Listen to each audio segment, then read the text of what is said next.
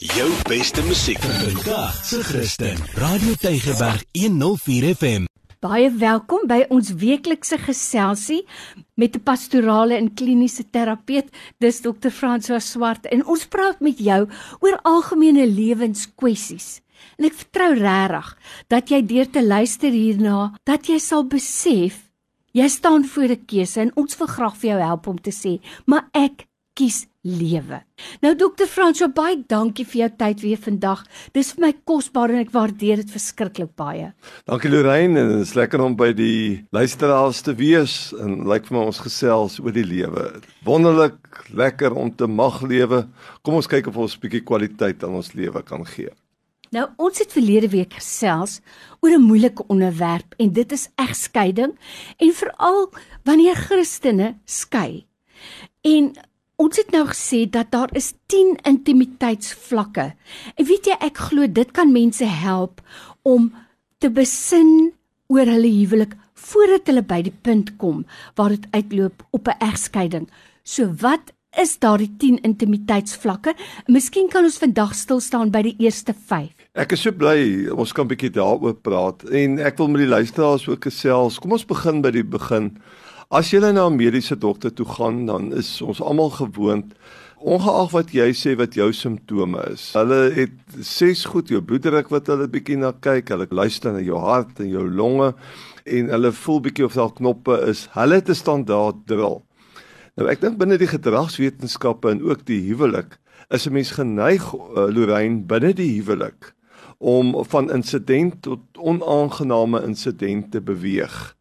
Dis eintlik is daar sekere negatiewe simptome wat jy ervaar en jou huwelik word eintlik 'n slagveld. As jy weet wat die 10 intimiteitsvlakke is en ons doen nou net 5, dan help dit vir jou verskriklik want ek hoef nie te beweeg van insident tot insident nie. Ek moet net hierdie 10 eentjies in 'n ry hou die hele tyd. Ek moet die hele tyd net dit in gedagte hou en ek moet gereeld in 'n koffiewinkel opset, gaan sit en ek moet dit gaan deurpraat met my maat, is ons nog by hierdie 10 intimiteitsvlakke. Nou die woord intimiteit kom eintlik van die woord yada in die Hebreëus uh, wat ken beteken, is om te ken maar te ken op 'n diepe vlak. Mm. En er, ons gaan dan nou vinnig net deur die 5 vir vandag uh, intimiteitsvlakke hardloop. Ons is die Rainbow Nation. Ek dink daar is uitdagings, ons moet dit vir mekaar sê. As jy gaan uh, stem en jou maat stem heeltemal na die linkerkant toe in die politieke spektrum en jou lewensmaat heeltemal na die regterkant toe, is die kanse baie goed dat jy nie baie goed gaan doen in julle huwelik nie. Behalwe dat ons praat van politieke intimiteit. Maar ook as jou kind van 1920 dalk met iemand anders te kom van 'n ander rassegroep, 'n ander taalgroep wat 'n ander soort van kultuur het, dan moet jy weet dit is 'n uitdaging en dan moet goed met mekaar as families veral ook gepraat word en ons moet almal inkoop in hierdie verhouding en is baie goed om daardie uh, aspek dan met 'n uh, neutrale persoon deur te werk en as daar probleme kom om daardie intimiteit tussen die twee families en uh, ook die politieke gewaarwordinge wat verskillend is in die aksente is om mekaar te help om saam met mekaar oor die weg te kom. Die tweede intimiteitsvlak wat ons het is die intellektuele intimiteit. Nou nie soos wat ons nou dink hoe slim jy is met wiskunde of hoe slim jy is met taal of uh, wat ook al nie. Intellektuele intimiteit gaan daaroor of jy kan debat voer jou standpunt kan stel ten opsigte van jou maat. Julle voer maar 'n bietjie debat oor 'n kontensieuse saak en julle kom gou-gou agter met daar julle het nie heeltemal raakpunte nie. Het julle die vermoë om vir 10 of 15 minute te luister na mekaar, agter te kom waar ons verskil en dan by die punt te kom. Goed, kom ons kom ooreen om te verskil. En ons soos wat Paulus vir ons leer ons gaan slaap nie kwaad nie. Ons sorg dat daar nie 'n atmosfeer en 'n klimaat in die verhouding inkom nie. Ek respekteer dat ek en jy op hierdie punt verskil. Wat interessant is ons kan nooit presies uh, voldoen aan mekaar se verwagtinge soos wat 'n mens regtig uh, graag wil nie. Dis is jy 80, 60%, 70% met jou maat oor goed kan saamstem, dan het jy al klaar 'n baie goeie basis om van te werk. 'n uh, Intellektuele intimiteit. Die derde intimiteitsvlak is rekreatiewe intimiteit. Rekreatief, die Engels recreational intimiteit.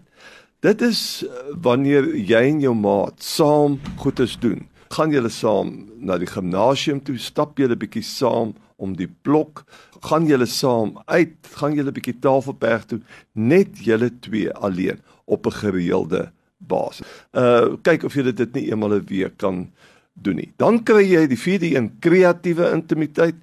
Is julle 'n span? Soos wat as jy en jou vrou toevallig nou saam luister, kan julle mekaar in die oog kyk en sê ons is 'n span.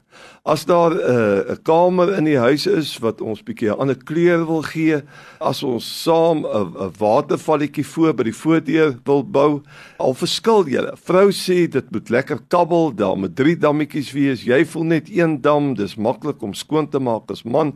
Jy's prakties. Wat se tipe plante moet daar wees? Kan julle ouens met mekaar onderhandel as 'n span funksioneer en oor 'n periode van 2 of 3 weke daardie waterfonteintjie daar by die voordeur. Kan julle dit as 'n span saam aanpak en terugstaan na 3 weke en sê dit was nou 'n lekker projek waaraan ons gewerk het. En dan die laaste is natuurlik vir ons almal baie belangrik. Die liefde is ook 'n emosionele saak. Maar dit is ook 'n saak waar jy goed is met besluit. En as gelowiges is dit ook iets waartoe jy geroep word om vir jou man en vrou regtig die man en die vrou te wees wat Jesus wil hê hy moet wees. Maar die vyfde een is vir ons almal belangrik en dit is die emosionele mm. uh, intimiteit. Hoe lank is jy nou getroud soos wat jy daar by die radio sit? 10 jaar, 15 jaar?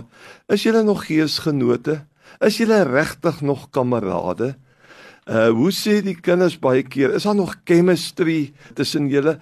Is julle beste maatjies vir mekaar?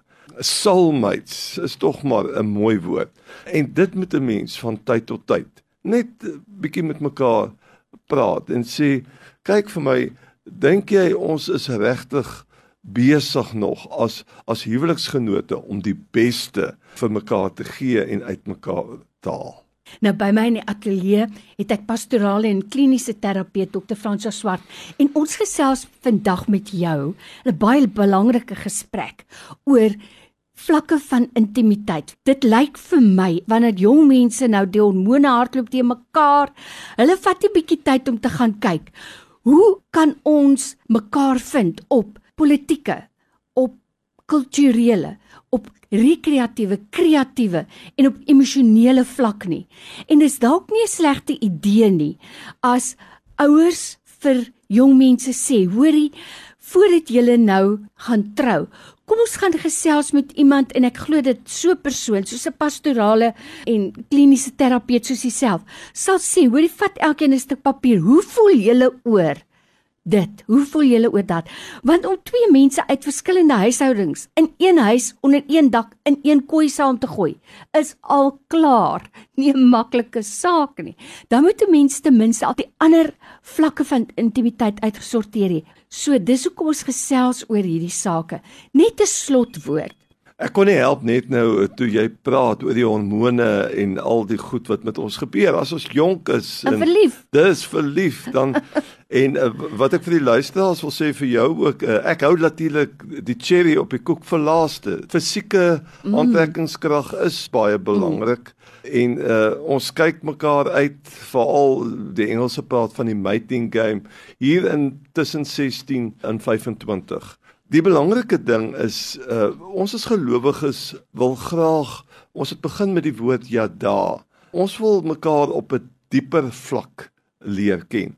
En en jou vraag is nou hoe kan ek met verantwoordelikheid kan ek in 'n huwelik inbeweeg? hierdie huweliksmaat wat die Here vir my leen want ek het nie 'n reg op mm. hom mm. of haar nie. Huweliksvoorbereiding is baie belangrik mm. en uh dit is van kardinale belang dat jy dan tog maar by iemand uitkom wat vir jou bewus maak van die intimiteitsvlakke en jy het melding gemaak van 'n stuk papier. Dis 'n baie praktiese oefening waarop 'n mens dan net sit en sê vir ons Dit is die belangrike aksente by elkeen van die intimiteitsvlakke. Dis die goed wat ons op gaan konsentreer. Fantasties. Ek sien baie uit na ons volgende geselsie. So vir die tyd vandag weer baie dankie. Dankie Lorraine. Jou beste musiek vir vandag se Christen. Radio Tygerberg 104 FM.